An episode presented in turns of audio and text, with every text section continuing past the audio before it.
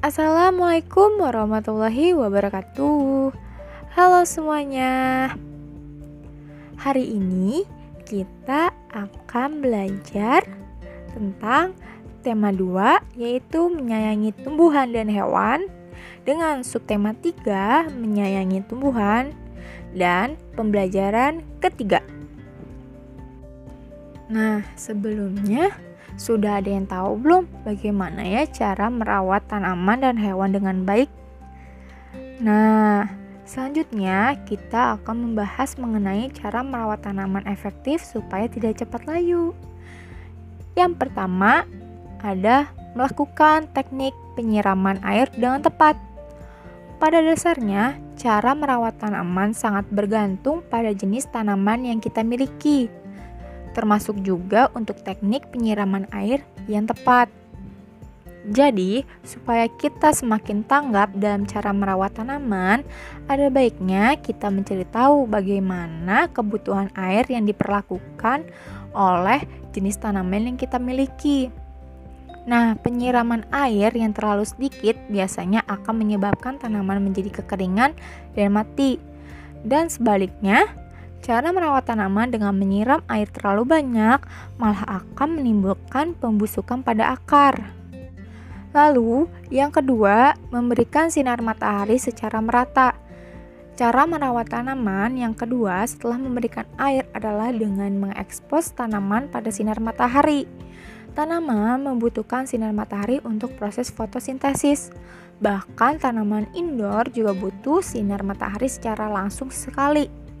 Akan tetapi, sama dengan manusia, sinar matahari yang berlebihan bisa jadi cara merawat tanaman yang salah karena dapat membuat tanaman yang kita miliki ini kekeringan, terbakar, dan layu. Nah, prinsipnya cara merawat tanaman dengan bantuan sinar matahari paling idealnya adalah dengan mengetahui kebutuhan eksposur sinar mataharinya. Yang ketiga, ada antisipasi hama dan penyakit. Nah, banyak cara merawat tanaman yang efektif supaya tanaman tidak mudah terserang penyakit. Terapkan beberapa strategi cara merawat tanaman melalui tindakan pencegahan sebagai berikut. Yang pertama, menjaga kualitas tanah. Yang kedua, mengoptimalkan lokasi dan kondisi tanaman. Lalu, yang ketiga, memangkas rumput liar.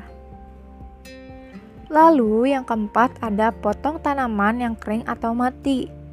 Apabila tanaman kita ini ada bagian yang sudah terlanjur terserang penyakit atau kering dan mati, kita harus segera memotong atau memangkas bagian tanaman yang sudah kering dan mati tersebut. Nah, cara merawat tanaman ini bertujuan agar penyakit tidak menyebar ke bagian lain yang masih hidup, karena penyakit pada tanaman dapat menyebar dengan sangat cepat. Nah, oleh karena itu, rutinlah untuk kita melakukan pengecekan terhadap tanaman kita sendiri dan perhatikan apakah ada bagian yang sudah mulai layu, kering, atau bahkan mati.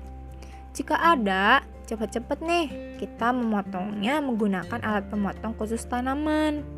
Nah, melalui cara merawat tanaman seperti ini, tanaman kita yang masih bertahan akan kembali hidup, segar seperti baru dan bertumbuh dengan subur. Selanjutnya, cara merawat hewan dengan baik. Yang pertama, ada siapkan kandang dan jaga kebersihannya. Nah, siapkan kandang yang layak untuk hewan peliharaan kita sangat penting untuk diprioritaskan. Ideal kandang yang baik untuk hewan peliharaan adalah yang jauh dari kebisingan. Meskipun setiap hewan memiliki tingkat sensitif terhadap kebisingan yang berbeda, ketenangan merupakan kondisi ideal yang dibutuhkan hewan peliharaan kita. Jangan lupa juga untuk menyediakan tempat khusus untuk membuang kotoran. Lalu selain itu jangan lupa untuk selalu membersihkan kandang minimal dua minggu sekali. Lalu perhatikan kondisi kandangnya juga. Jika dirasa kotor dan bau segera dibersihkan saat itu juga. Lalu yang kedua ada perhatikan selalu kondisi hewan. Nah, pastikan selalu kondisi hewan dalam keadaan sehat dan tidak terlihat janggal. Nih, kita juga bisa membawanya tiga bulan sekali ke dokter hewan untuk mengecek kesehatannya.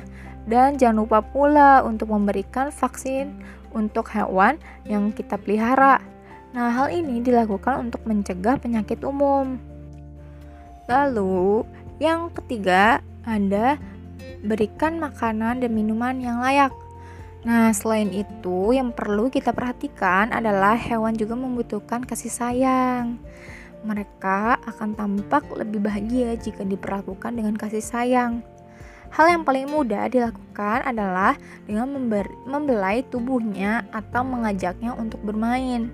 Mengajaknya berkeliling kompleks juga dapat membuatnya lebih diperhatikan loh. Lalu yang keempat ada berikan perawatan khusus. Perawatan pada hewan peliharaan juga perlu dilakukan terutama bagi bulu dan kukunya. Periksalah anggota tubuh binatang peliharaan mulai dari mata, telinga, mulut, hidung, dan juga lubang pembuangan. Pastikan selalu dalam kondisi bersih dan tidak terlihat kusam. Jika dirasa kotor, segera dibersihkan dan jika sekiranya melihat tanda-tanda penyakit, segera lakukan pemeriksaan agar tidak terjadi penyebaran yang tidak diinginkan. Nah, jangan lupa pula untuk memandikan hewan peliharaan kita. Gunakan sabun mandi khusus hewan demi keindahan bulu dari hewan itu. Lalu selanjutnya kita akan mengetahui apa itu bilangan cacah dan pecahan sederhana. Nah, bilangan cacah yaitu bilangan yang terdiri dari bilangan itu sendiri atau juga bilangan asli. Lalu bilangan cacah ini terdiri dari bilangan bulat positif yaitu mulai 0 sampai dengan 10. Lalu ada bilangan bulat negatif mulai dari min 1 sampai min 10. Lalu yang ketiga ada bilangan 0 yaitu bilangan 0. Nah, di dalam bilangan bulat atau cacah termuat dari bilangan bilangan caca, bilangan asli, bilangan genap, bilangan ganjil, dan juga bilangan prima. Lalu yang kedua ada bilangan pecahan sederhana. Nah, pada bilangan pecahan yaitu bilangan yang terdiri dari pembilang dan penyebut, yaitu A per B sama dengan A itu pembilang dan B itu penyebut. Nah, macam-macam bilangan pecahan ini ada pecahan biasa, ada juga pecahan campuran dan juga pecahan desimal dan pecahan persen.